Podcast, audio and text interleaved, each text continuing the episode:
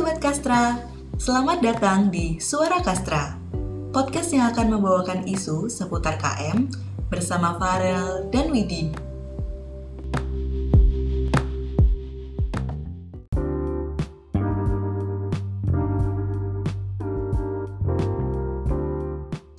Halo semua, balik lagi sama Farel dan Widi di Suara Kastra. Yeay. Halo semua, balik lagi bareng kita nih akhirnya setelah sekian bulan ya sebulan dua bulan gak sih? Iya, kita nggak ngobrol-ngobrol Iya, kita bareng ya. ngobrol akhirnya sekarang suara kasra udah Comeback nih. Iya, udah episode 2 Gila gak kerasa ya. Ngobrol. Kemarin episode 1 Psikologi ya Farel ya. Iya, Wid sendiri kabar gimana nih? Kita kayak udah sebulanan nggak ngobrol gitu. Iya, aku alhamdulillah kabarku baik, alhamdulillah Alhamdulillah. sehat ya secara eh, secara mental dan fisik. Hmm, hmm. Kalau Farah di- sendiri gimana nih kabarnya? Aku juga alhamdulillah masih sehat sih. Ya, masih menjalani hari-hari seperti biasa ya. Iya, masih sehat nih. Maksudnya gimana? Sempat gak sehat kah atau? Ya cukup lah ya, average. Oke. ya bisa Sempet dibilang. di Iya. titik eh, terendah ya Ya biasa lah ya. perkuliahan. Perkuliahan. Oke oke.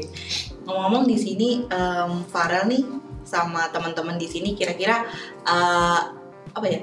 Aku mau kan berita kan kita mau ngomong berita Eh ya. kamu kamu mau ngobrolin apa dulu nanti kita? Iya, aku mau ngobrolin ini sih berita sih. Soalnya em, kayak udah tradisi dari suara kasras itu sendiri. Hmm. Kalau kita sebelum membawakan pokok bahasan inti teman-teman, kita tuh bawain eh, satu atau dua berita yang lagi happening atau yang lagi in. Iya benar-benar. Kalau dari Farel kira-kira ada nggak nih berita yang mau di share sama teman-teman Oh kasar? iya, tapi sebelum kita masuk ke berita ini, kita kan masih di suasana Lebaran gitu nih kan. Sebenarnya kita Iya. masih di bulan Syawal. Iya iya Ya, iya. Kemarin Widi ini nggak sih eh, mudik nggak? Mudik. Iya mudik dong, Mudik. iya mudik dong. Sebagai anak rantau yang kangen rumah, Asik. walaupun eh, kita sama-sama Jawa Timur, tapi tetap vibes rumah tuh nggak ada. Ke mana Widi? Ada tandingnya. ke mana mudiknya? Mudiknya ke Kediri, tapi untuk keluarga-keluarga yang lebih tua-tua Hmm. gitu, itu adanya di Ponorogo sama di Solo. Gitu. Oh Jawa Tengah ya? Iya. Lumayan sih, Hmm. lumayan, lumayan. Kalau Farel sendiri gimana? Kemarin aku juga mudik, aku Hmm. naik kereta ya kebetulan jadi berasa banget nih vibes berdesak-desak Iya. di Hmm. stasiun gitu karena kan mudiknya ke eh, Depok ya FYI buat teman-teman sobat, Kasra. sobat seperdepokan nih Hmm. bisa ngajak ngopi kalau ada yang dari Depok juga boleh eh, ngechat aku ya di line. Gitu. Jadi tuh aku kemarin naik kereta kan Iya. dan padahal aku tuh ya? Heeh. tapi nggak terlalu capek sih soalnya kan aku naik yang agak ini. Kemarin tuh eh, vibes lebarannya berasa banget soalnya padahal aku beli tiket dari sekitar Biasanya, dua minggu tiga minggu uh-uh. sebelum berangkat kan Iya, itu tuh uh-uh. udah naik banget tiketnya bisa eh, setengah sampai dua kali lipat satu sampai dua kali lipat dari harga awalnya. dan ya. harga awalnya kayak bener-bener mungkin ya karena pertama kali juga dibolehin kan setelah dua Hmm. tahun mudik jadi orang-orang pada antusias juga kan jadi eh, cepet ludes juga tiketnya makanya tiket yang tersedia naik kayak gitu untuk keinginan pengen mudik pengen ketemu keluarga momennya juga udah dapet nih. Jadi eh, pemerintah juga memanfaatkan momen Iya, yang ada iya, ini untuk iya. gimana sih caranya dapet laba sebesar mungkin. Ya ya kan ya? Waduh mumpung udah pada mudik nih. Nah terus eh ini eh, pelonggaran eh, boleh mudik ini juga sebenarnya salah satu ini nyambung sama berita yang bakal aku kasih nih Wid aduh apa nih kira-kira? Ya, teman-teman jadi- kayak juga udah pada nggak sabar buat iya dengerin kita uh, langsung aja berarti ya ke berita yang pertama. Jadi itu masih nyambung sama pelonggaran mudik yang tadi aku bilang Mm, mm. uh, soal pandemi lah ya, Mm, kebijakan iya. pandemi. Jadi tuh di uh, apa namanya akhir-akhir ini ya akhir-akhir ini Mhm. di luar ruangan itu kita Iya. udah diperbolehkan untuk uh, tidak menggunakan masker oke di uh, tempat-tempat yang sekiranya nggak padat orang gitu lah. ya nggak Nah, ini, lagi Hmm, ya nah ini sekarang. Pak Jokowi sendiri kemarin yang bilang. Oke. Nah jadi tuh kemarin di channelnya apa? Channel YouTube-nya Sekretariat Presiden, Hmm. Pak Jokowi di situ ngomong kalau misalkan ini aku kutip dari Detik News juga ya. iya iya Jadi insya Allah valid teman-teman. Jadi kemarin tuh Pak Jokowi eh, ngomong kalau misalkan pemerintah itu udah memutuskan untuk melonggarkan kebijakan pemakaian masker. Jadi jika masyarakat itu beraktivitas di luar ruangan atau di area terbuka yang tidak padat eh, orang gitu, masyarakat nggak terlalu banyak kumpul itu boleh kita nggak pakai masker gitu. Ya, tapi kalau aku sendiri aku pribadi ya teman-teman juga eh, kalau lepas masker apalagi di tempat umum tuh rasanya kayak buka aurat gitu gak sih? itu udah gimana ya? udah aneh rasanya Iya, kalau pakai masker. udah bagian juga dari apa sih kayak outfitnya juga kan Iya, kalau iya, misal bener. orang kan keluar pakai baju hitam-hitam nih kalau maskernya nggak hitam juga nggak afdol juga kan mengurangi Iya, kepercayaan diri juga sih sebenarnya Iya udah jadi salah satu outfit juga gitu ya. Mm-mm. Bikin matching Iya. OOTD gitu-gitu. Iya. Iya terus juga apa namanya? Mungkin karena udah dua tahun ya kita pakai masker Hmm. ke mana-mana, jadi mungkin terbentuk behavior baru gitu nggak sih? Iya. Kayak habits baru gitu kan. Kita ke mana-mana masker, masker, masker, masker. Mm-mm. Terus juga kan banyak yang ngomong kalau misalkan kalau pakai masker kegantengan meningkat gitu, Iya, gitu. iya, kayak, iya. kayak aduh ya udah deh mending pakai masker daripada muka kalau, asli. eh, kalau salting pun juga kalau pakai masker juga nggak kelihatan Iya, iya kan. Heeh. Terus kadang kayak banyak yang bilang bisa senyum fake, senyum fake gitu kan. Hmm, Jadi ekspresi tak iya, jadi- terkondisikan pun juga bisa Iya, jadi banyak yang nyaman pakai masker gitu. Tapi juga sebenarnya Pak Jokowi kemarin itu ngasih beberapa catatan juga soal pelonggaran pakai masker ini. Iya ada batasan-batasannya Iya, ada batasan-batasan juga. ya. Kayak misalkan eh, orang yang emang udah lansia, terus apa namanya penderita komorbid, Mm-mm. terus emang lagi pilek atau batuk atau batuk gitu-gitu, itu ya tetap pakai masker gitu kan, walaupun di tempat terbuka segala segala macam. Tapi ya menurutku walaupun dilonggarkan gini, ya tadi ya mungkin orang-orang udah pada nyaman pakai masker. Terus juga kalau misalkan ternyata emang eh, diminta Udah. untuk lepas masker Mm-mm. di tempat umum juga masih ada juga beberapa orang yang sebenarnya pilek dan batuk iya itu kan Tapi- yang ditakutin kan iya Iya kan tapi orang nggak pakai masker ya orang Indo ya gimana sih di, diatur kayak gimana juga kadang curi-curi eh, kesempatan sebenarnya gitu bukan kan hanya orang Indo sih cognitive miser ya oh jadi emang secara umum ya bukan Indo tapi kita ya? fokusnya ke orang Indonesia soalnya iya, kita juga orang iya kan Indonesia kita pelopor orang-orang Indonesia gitu jadi kayak ya mungkin emang itu tuh juga salah satu transisi ya Hmm, dari iya. eh, yang pandemi tadinya kan sekarang mau jadi endemi Mm-mm. eh, apa statusnya Iya. makanya ada penyesuaian-penyesuaian Dan- kebijakan juga adaptasi adaptasinya orang-orang pun juga beda-beda kan Iya, gitu. iya. ada yang bisa langsung adaptasi ada yang kayak mungkin aduh nggak siap banget nih mau tuh cepat eh, Iya, cepat iya. lepas masker sekarang kan juga Mm-mm. agak ini agak Terus juga kemarin eh, soal kebijakan pelonggaran ini tuh nggak cuma penggunaan masker tapi kayak perjalanan ke dalam negeri, ke luar negeri itu Hmm, juga iya. mulai dilonggarkan gitu makanya kayak kita dibolehin mudik ya Iya, mungkin boleh mudik kan yang tadinya mungkin harus wajib vaksin, Iya. terus misalkan harus eh, PCR segala macam. iya iya Sekarang udah mulai agak boleh nih eh, minimal vaksin dua kali kayak gitu. Hmm. Terus misalkan kalau misalkan eh, baru vaksin sekali itu minimal eh, antigen kayak gitu Iya. kan, tadi harus eh, PCR jadi agak dilonggarkan kayak gitu sih. Tapi ngomong-ngomong Farel, eh, aku juga punya loh berita yang sebenarnya nggak kalah menarik juga sih Oh iya, sama yang dibawain Farel. Tapi kayak, kayak Farel tadi kan bawain yang di ranah politik ya, Hmm. politik kesehatan. Ini ranah-ranah anak muda nih Apa tuh? yang sempet trending di Twitter. Kira-kira Farel bisa nebak nggak apa yang kemarin sempet trending di, di Twitter selain mau di Ayunda dan Jesse Choi ya?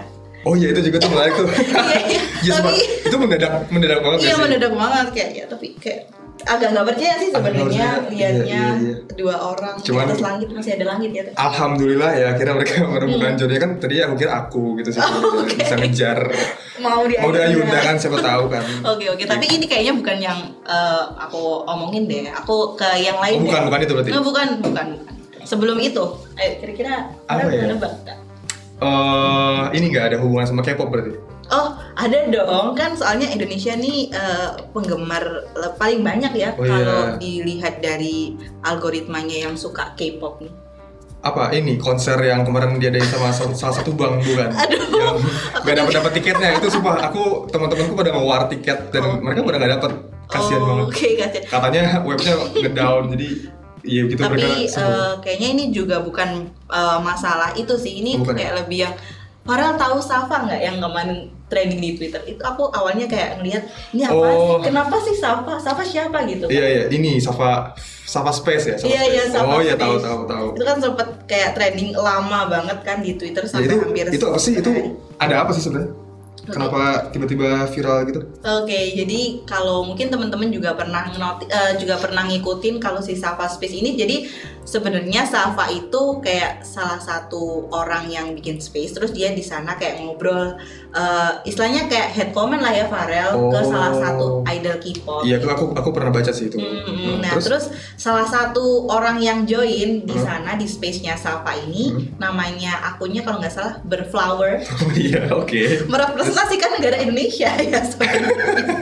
Berflower ini eh, agak kurang setuju dengan istilahnya komentar-komentar dari si Safa ini tentang Oh. idol K-popnya ini. Terus eh, dengan istilahnya si Ber- Berflower ini ngomong kalau misal Safa ini sudah melanggar UU ITE dan lain sebagainya dan istilahnya eh, ujaran ketidak eh, ketidaksukaan kepada orang lain Iya, ujaran kebencian gitu lah ya. istilahnya. ujaran kebencian Oh. dan dia si Safa ini diharuskan untuk membuat pernyataan permintaan maafan, kemudian dia juga harus uh, bikin surat yang ditandatangani orang tua sampai seperti itu. Wow. Terus bikin video konfirmasi permintaan maafan juga teman-teman. Sampai istilahnya segitunya gitu Iya, loh. iya, iya, iya. Dan uh, si Safa ini juga merasa kalau uh, hand comment-nya ini nggak se- nggak sebegitu berpengaruh sebenarnya. Jadi dia nggak apa ya istilahnya nggak mm-mm, gitu. mengindahkan semua yang dikatakan oleh Oh. Berflower ini. Terus jadilah cekcok antara mereka Hmm. berdua dan si Berflowers ini uh, katanya juga aku tuh di sini uh, ada keluarga dari pihak yang ini loh kepolisian dan lain gitu ya? sebagainya. Mm-mm, Oh. Terus juga mengancam nih kalau misal kamu nanti kalau kamu nggak tanda tangan Hmm. ini orang tua atau bikin video klarifikasi nanti kamu aku pidana dan lain sebagainya gitu. Oh, gitu ya. Mm-mm, Itu sampai jatuhnya jatuhnya itu ini dong, kayak power abuse gitu nggak sih? iya iya iya sih tapi ya gimana namanya Indonesia agak rumpang ya untuk Iya eh, kasus-kasus seperti itu padahal idolnya yang terkait pun juga tidak tahu menahu untuk Gak tahu mereka akan hidup itu. gitu ya. bahkan eksistensi mereka Hasil mereka aja nggak nggak tahu idolnya juga tidak Iya, tahu iya. gitu loh Aduh kasihan juga sih sebenarnya. Iya, hmm, hmm, gitu sih kayak miris banget sih eh, Hmm. untuk teman-teman yang sebenarnya eh, istilahnya power dan eh, istilahnya sumber daya yang bisa dialokasikan sebenarnya untuk kita lebih bijaksana lagi Iya, iya, jadi di apa ya istilahnya disfungsikan gitu ya Farel Hmm, hmm. untuk eh, hal-hal yang seperti ini gitu sih Ya, sebenarnya Agak mungkin disayangkan Soal K-pop K-pop gini mungkin udah emang sering terulang-terulang gitu ya. Iya. Eh, apa namanya? fandom A atau fandom, B, gitu ya Terus kayak yang antara K-pop dan non K-pop sering clash juga kan. Mungkin ya emang eh, populasi bukan populasi, mungkin kelompok orang-orang yang suka sama K-pop tuh emang banyak kan di banyak Indonesia. banget. Jadi kayak ternyata kalau misalkan ada clash sama satu K-popers pun teman-teman yang lain tuh tahu-tahu ikutan, gitu ikutan ya gitu kan. Hmm. cukup militan sih, cukup militan. iya iya Ya, jadi jangan macam-macam sama K-pop ya. Iya. Hati-hati. gitu. Ya, jadi emang kayak ini juga aku kayaknya uh, sering lihat kemarin di TL Twitterku terus juga di TikTok, di Twitter, di Hmm, Instagram gitu rame pada banget ya ramai ngebahas ini jadi pada ngejulit ngejulitin gitu kan. Kayak ini uh, masalah apa sih kan kayak Iya. uh, Safa Space ngomongin apa sih? iya ternyata Ternyata juli-julitan ya Julit-julitan, iya.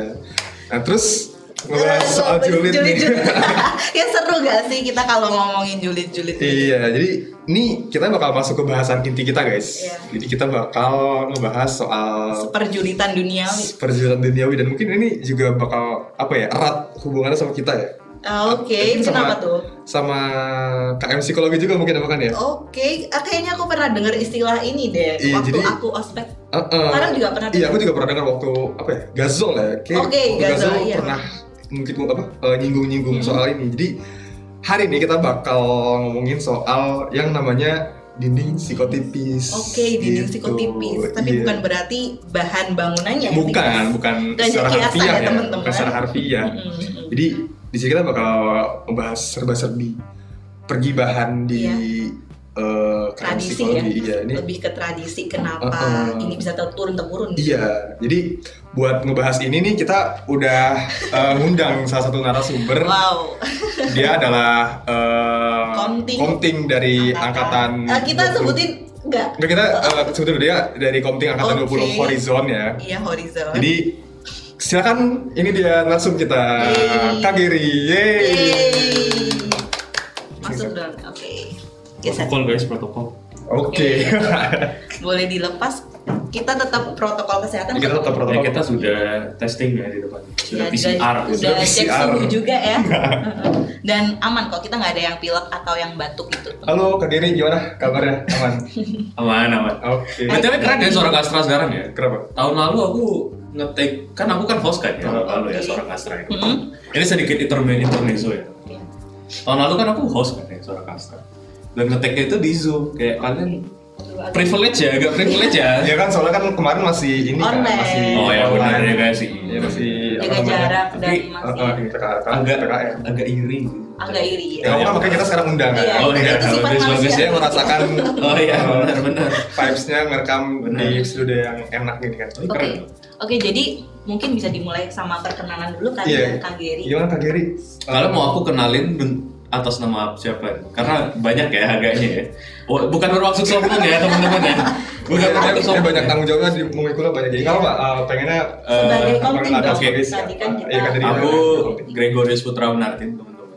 Eh, panggilannya Gary sebagai apa ya mahasiswa kali ya Iya. sebagai pelaku KM psikologi gitu loh sebagai salah satu bagian dari KM psikologi Yang pernah merasakan bahwa dinding psikologi itu tipis. iya Ya, sebelum gimana kuliahnya lancar? Iya. Terus uh, gimana kabarnya nih? ya biasa lah kuliah kuliah mah kalian tahu lah ya kuliah ya mungkin agak sedikit shock kali ya kalian juga sedikit shock kan kalau offline Lumayan sih kan memasuki semester 4 ya. Iya. Kayak Banyak. udah mulai-mulai Iya, mungkin kayaknya anak 20 tuh yang paling shock mungkin karena udah ngerasain ngerasain setahun Online. setahun online. Udah di zona nyaman ya kak ya. Iya, udah Nggak bisa ketinggal kelas sambil masak di dapur bisa gitu double ya. device juga kalau rapat. ya jangan kan 20 ya kita juga pengennya ya tapi ya kita Ya, tapi ya kita sekarang ada udah perubahan- perubahan. beradaptasi. Beradaptasi. Harus dong. Iya. Jadi gimana nih eh, kita di sini kan bakal bahas soal tadi ya udah disebutin ya. Iya, soal dinding tipis. psikotipis nih kita undang eh, cutting juga kan yang Iya. cukup. Nggak Expert sepuh lah ya. nggak sepuh juga sih cuman ya mungkin punya pengalaman lah ya udah lebih ngerasain kita. lebih lama di psiko dibanding kita kan. Hmm. Jadi mungkin Kak Geri tahu nggak sih soal istilah dinding psikotipis ini tuh kayak pernah denger pasti kan pasti pernah lah. Iya. Pasti sih, kalau anak psiko uner mah pasti udah pernah denger ya psikotipis Ah. ini kayak itu udah jadi apa ya kayak preface gitulah tiap kali kita dat- tiap kali kita pertama kali menginjakan kaki di uner tuh udah pasti dibilang dinding psiko tuh tipis jadi hati-hati gitu. Itu tuh apa sih bentuk eh, disuruh waspada atau kayak emang apa sih eh, Iya. dinding psikotipis tuh apa? Maksudnya harus dihindari atau Sebenarnya aku baru aku baru merasakan benar-benar merasakan itu pas offline sih, pas pertama Hmm. kali datang ke Surabaya di tahun ini gitu loh. Iya. Jadi kayak eh, ternyata yang eh, ternyata hal-hal yang ada di online itu yang selama setahun anak 20 itu enggak mewakili banyak hal gitu loh kayak eh, banyak banget ya banyak banget lah perjulitan yang Oh. ada di Hmm. psikologi gitu. Jadinya lebih transparan gitu ya mungkin yang kali ini. Iya, Ya, kayak gitu sih. Oke. Ya mungkin selama online kan chatnya kan ya PC gitu kan nggak Hmm. kelihatan menjulitnya kan kalau sekarang kan belum. iya kan terlihat ya orang lagi berdua oh ini pasti Ah, lagi ngapain iya. ngomongin apa nih gitu kan Terus bisa lebih awet gak sih kalau Iya. julidnya offline tuh soalnya kita dapet, mm, dapet feel-nya gitu. iya iya Dan itu kan sebenarnya datangnya dari ini ya. Datangnya itu udah dari bertahun-tahun yang lalu gitu, bahkan dari angkatan-angkatan Atas. angkatan-angkatan atas kayak 16, Oh. 17 gitu juga udah Iya, iya. Memperingatkan kalau dinding psiko tuh Tapi tipis. sebenarnya emang emang udah budaya yang lama banget di sini gitu Iya. ya. Iya. Udah apa beranak pinak gitu istilahnya. Iya. Jadi kenapa kenapa dipakai istilahnya dinding psikotipis gitu? Nah, Iya. mengapa? Mungkin ini ya, eh, di- mungkin buat teman-teman yang nggak tahu, dinding psikotipis itu eh, secara dasarnya adalah apa ya, kayak budaya budaya mengingatkan kita bahwa setiap rahasia yang kita ucapkan ke seseorang tuh bisa jadi terlempar ke orang lain. Oh. Jadi kayak gitu. lebih Oke. harus lebih wise dan hati-hati Iya, gitu ya. jadi eh, jadi mengapa namanya dinding psikotipis? Itu tuh ibaratnya kayak kamu di ruangan gitu kan. Ibaratnya kamu di ruangan, kamu ngobrol nih soal rahasia kamu. Karena dindingnya tipis, orang lain tuh bisa denger gitu. Wah, sih. Iya. Iya, sih, masuk akal, masuk akal. Gitu. yang aku tangkap sih kayak gitu ya yang aku di, yang diajarkan di aku sih kayak gitu tapi ya itu sih sebenarnya Berarti kan tadi, berarti secara nggak langsung tuh ada dua makna yang tersirat nggak sih Kak Geri? Hmm. Kan ada yang uh, ada yang uh, istilahnya maknanya tuh yang satu buat kita lebih hati-hati sama orang. Terus yang kedua ini uh, apa sih istilahnya biar uh, interaksinya kita biar makin apa Hmm. deket gitu ya sama satu sama lain karena kita juga ngajakin mereka ngobrol intensitasnya juga lebih banyak. Nah, kira-kira di sini ada nggak sih Kak Geri dampak kepada ekosistem interaksi di psikologi sendiri dari dinding psikologi tipis ini? kalau menurut aku ya kalau menurut aku nih ya pribadi kayaknya ada apa ya kayak eh, ada kesan positifnya juga ketika eh, kita bilang kalau si dinding psikologi itu tipis karena ya ki- kita tahu lah ya orang Indonesia tuh suka banget gibah gitu kan. Ya rahasia umum lah ya. Gibah itu terkadang juga mempersatukan mempersatukan banyak orang gitu. Iya, heeh. dengan Iya. kita ngomongin satu orang tuh kita bisa lebih bersatu dengan orang lain. Tapi apakah itu baik untuk eh, apa ekosistem secara keseluruhan? Kayaknya enggak juga. Karena Hmm. ya otomatis kita dengan kita dengan kita Bicara. berbicara mengenai berbicara mengenai orang lain kita kan juga mengorbankan orang tersebut gitu Iya, kan, demi Iya, iya, kesatuan gitu jadi kayak menurutku juga nggak baik sih sebenarnya. Dampaknya ya itu. Dampaknya di antara orang di antara kelompok yang meng- mengomong ah mau ngomong apa sih bahasanya menjulit. Menjulit. menjulitkan menjulitkan orang tersebut mereka jadi punya hubungan yang toksik kan Iya. Hmm. dan ke- de- dengan orang yang terjulitkan juga itu juga mereka merasa rugi karena ya mereka terjulitkan gitu loh. Hmm. rahasia mereka bisa terbongkar dan sebagainya jadi menurutku dampaknya kalau dibilang ada plus minus ada pasti cuma eh, kalau aku pribadi sih lebih ke minus sih Iya perbandingannya banyak ke yang Iya, minusnya cuman kan ya. plusnya juga tadi kan eh, jadi dekat sama Orang. orang. cuman ya terbentuknya adalah pada dasar atas dasar sesuatu yang gak baik gitu. Iya. Iya, iya. Iya. Dan ini sih temen dan dan ini sebenarnya sebenarnya eh, perjulitan-perjulitan di dinding psikotipis tuh gak eksklusif buat psikologi gitu loh.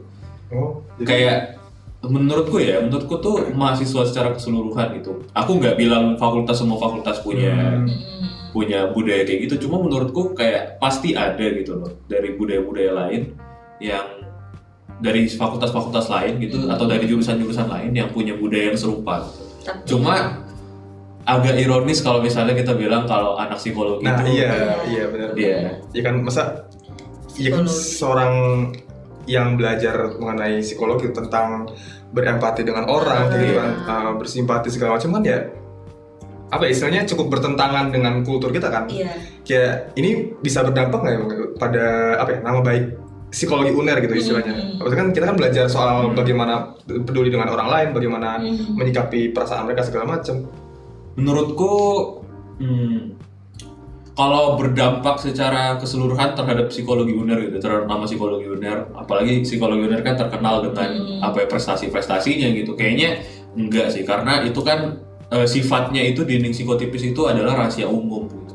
Kayak eh, orang luar psikologi kalau nggak kenal anak-anak kalau nggak kenal mahasiswanya ya kalau nggak ada di dalam lingkungan itu ya nggak bakal tahu Iya. nggak bakal tahu gitu cuma eh, apakah itu berdampak terhadap nama baik diri sendiri gitu misalnya eh, secara sekelompok anak yang isinya psikologi uner gitu eh, kayaknya bakal berdampak cuma nggak spesifik di psikologi uner tapi ke lebih ke individu-individunya. Oh. kayak misalnya orang itu terkenal julid gitu orang itu terkenal suka gibah eh, ya itu dampaknya ke individu itu aja cuma ya itu tadi ekosistemnya jadi buruk Tapi kan eh, Kak Geri kalau kita lihat sih orang-orang sekarang kan nggak apa ya istilahnya nggak cek recek dulu ya kalau dapat omongan Hmm. eh misal anak fakultas lain atau prodi lain bilang eh jangan ini ke psikologi atau jangan temenan sama anak psikologi anak psikologi tuh sukanya ngomongin orang soalnya katanya di sana tuh ada dinding psikologi tipis dan sebagainya nah Hmm. itu kan juga berdampak ya sebenarnya Iya, terhadap iya. nama atau citra dari psikologi uner itu sendiri terus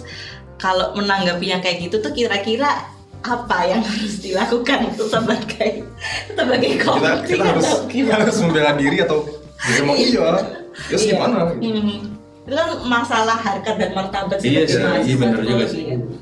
agak sebenarnya ya kita yang kita bisa yang kita bisa lakukan ya kita sendiri nggak boleh julid aja sih Iya. itu yang udah paling itu yang paling simpel kayak kalau kalian merasa kalau kalian merasa itu budaya yang buruk ya kalian jangan lakukan. Itu udah paling simpel. Kayak terkait dengan segala isu yang ada gitu loh. Terkait dengan segala isu yang ada. Kalau misalnya kalian merasa kalau kalian misal, misalnya merasa itu hal yang buruk ya kalian jangan lakukan gitu. Termasuk dengan isu ini di psikotipis hal yang paling utama yaitu yang bisa kalian lakukan adalah ya berhenti melakukan itu. Cuma untuk eh, skala yang lebih besar aku jujur eh, kalau aku sendiri aku pribadi belum menemukan jawabannya sih. Kayak eh, mengubah ekosistem pendidikan apa ya ekosistem sosial di Iya. psikologi gitu tuh PR yang sangat besar yang nggak bisa kita lakukan sendiri gitu. Harus ada gerakan kolektif dari banyak orang untuk mau apa ya untuk istilahnya menginformasikan lah ya. menginformasikan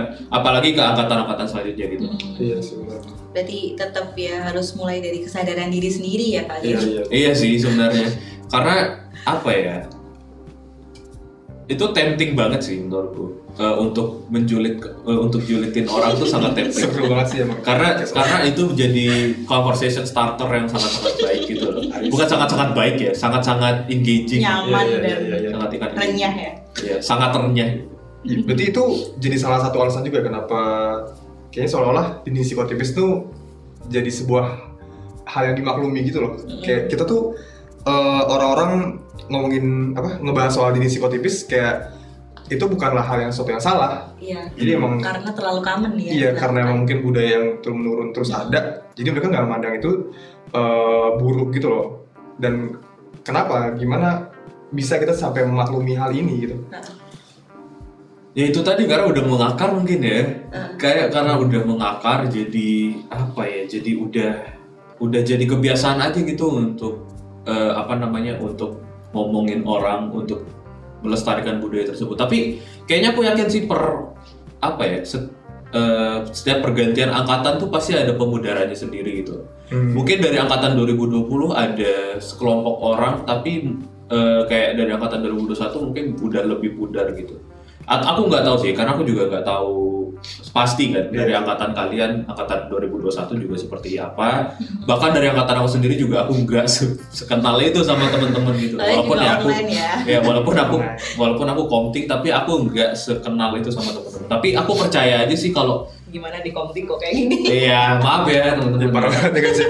Boleh di DM ke kak Girinya kok. Ya, nah, maksudku tuh, maksudku ya komting tuh ya kita aku jadi justifikasi lagi enggak enggak enggak, enggak, enggak. Maksudnya ya, ya intinya ya memang gimana ya? Eh, aku rasa dengan effort dari beberapa orang untuk menginformasikan kalau dinding eh, kita nggak boleh melestarikan ini lagi nih kita juga harus eh, ngobrol apa ya kita harus juga menjaga Mm-mm. eh, agar hubungan kita tuh nggak setoksik itu gitu Iya.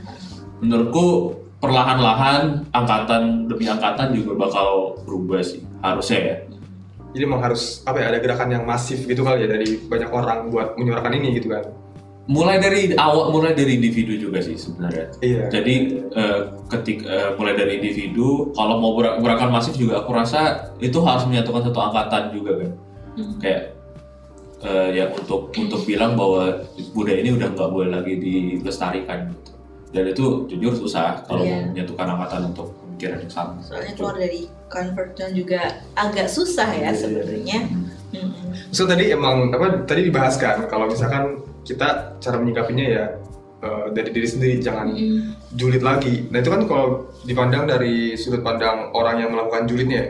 Nah, terus ini kan di, di psikotipis ini terjadi karena misalkan ada orang yang pengen cerita ke temennya. Ternyata temennya bocor ke mana-mana gitu kan. Kita nggak tahu personality Iya, orang iya, mungkin kita udah percaya, terus ternyata dia malah nyebarin ke mana-mana gitu. Hmm. Ya kan, maksudnya kita sebagai orang yang Tersakiti lah ya. Iya, sebagai orang yang menganggap teman kita bisa dipercaya, pas diceritain malah kayak gitu. Jadi kita harus gimana, Gimana? gitu supaya misalkan kita punya masalah segala macam daripada dipendem kan ya mungkin harusnya dicurahkan Cerita. gitu kan. Ya, cuman ketika kita curahkan malah jadi ke mana-mana gitu efeknya enggak seperti yang kita harapkan gitu. Yang harusnya dia doang yang tahu malah jadi banyak orang yang tahu gitu. Iya, sebenarnya aku mau bilang sebenarnya aku mau bilang ini sih. Sebenarnya aku mau bilang resiliensi diri sendiri aja sih. Persiapkan diri kalau misalnya rahasia itu bisa tersebarkan. Cuma agaknya nggak adil ya karena Iya. rahasia-rahasia orang tuh kan pasti berbeda gitu kan bobotnya.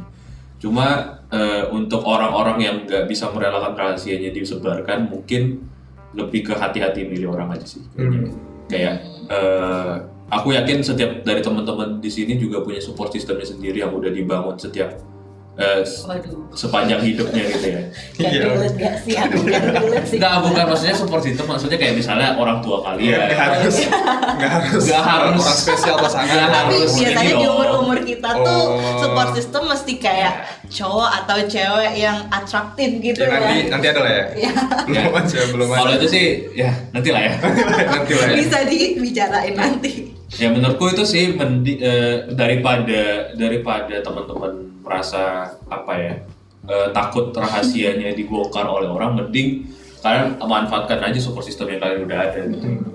Kayak eh kalau misalnya nggak ada nggak susah sih, cuma makanya makanya itu kan. Itu masalah. Cukup struggle juga di situ. Iya, iya.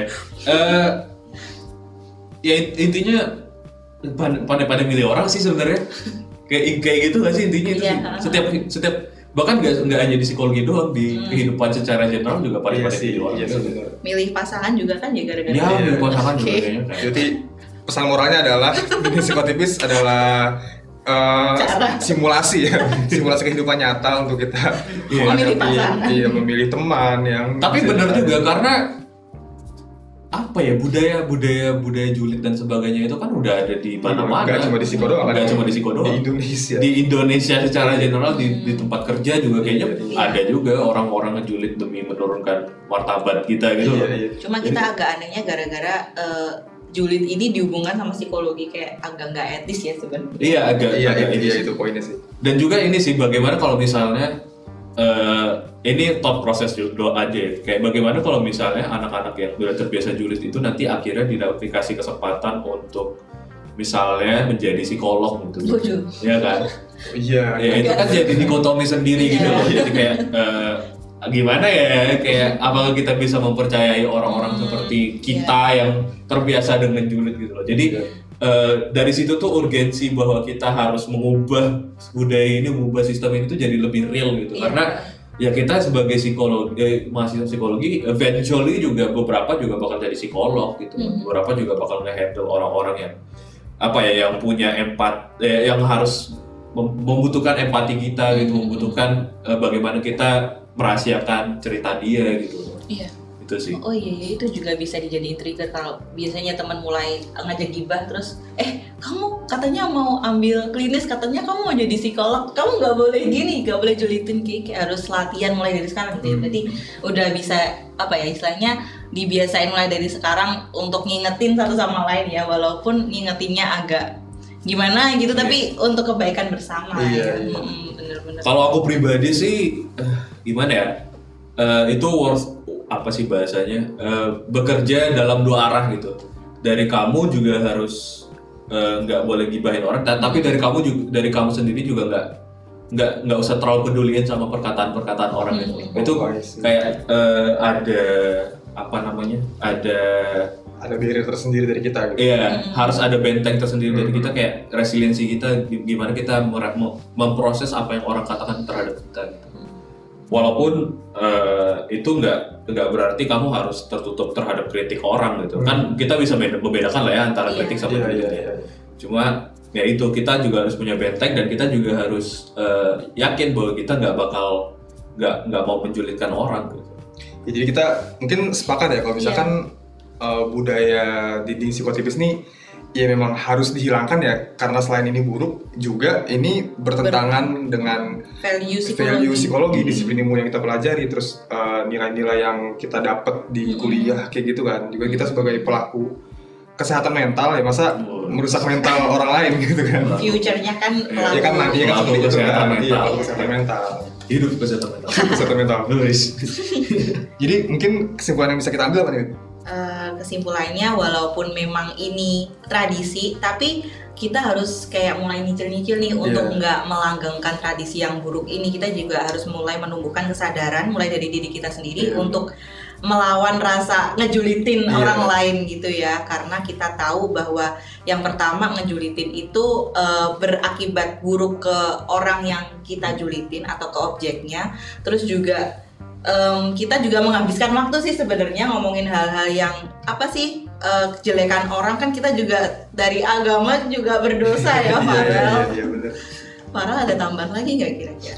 Iya, jadi eh, intinya iya benar mulai dari diri kita sendiri sih. Hmm. Gimana caranya kita tadi yang kata Kak Giri bilang juga eh, membentuk benteng juga dari eh, kitanya supaya kita nggak mudah terprovokasi, nggak Iya. mudah terhasut dengan omongan-omongan yang ternyata terlanjur tersebar ke orang-orang yang lain gitu kan. Kita harus cek dicek dulu Iya, lah cek-dicek ya. dulu Nggak juga. boleh kognitif miser Iya, asik ini bisa nggak nih.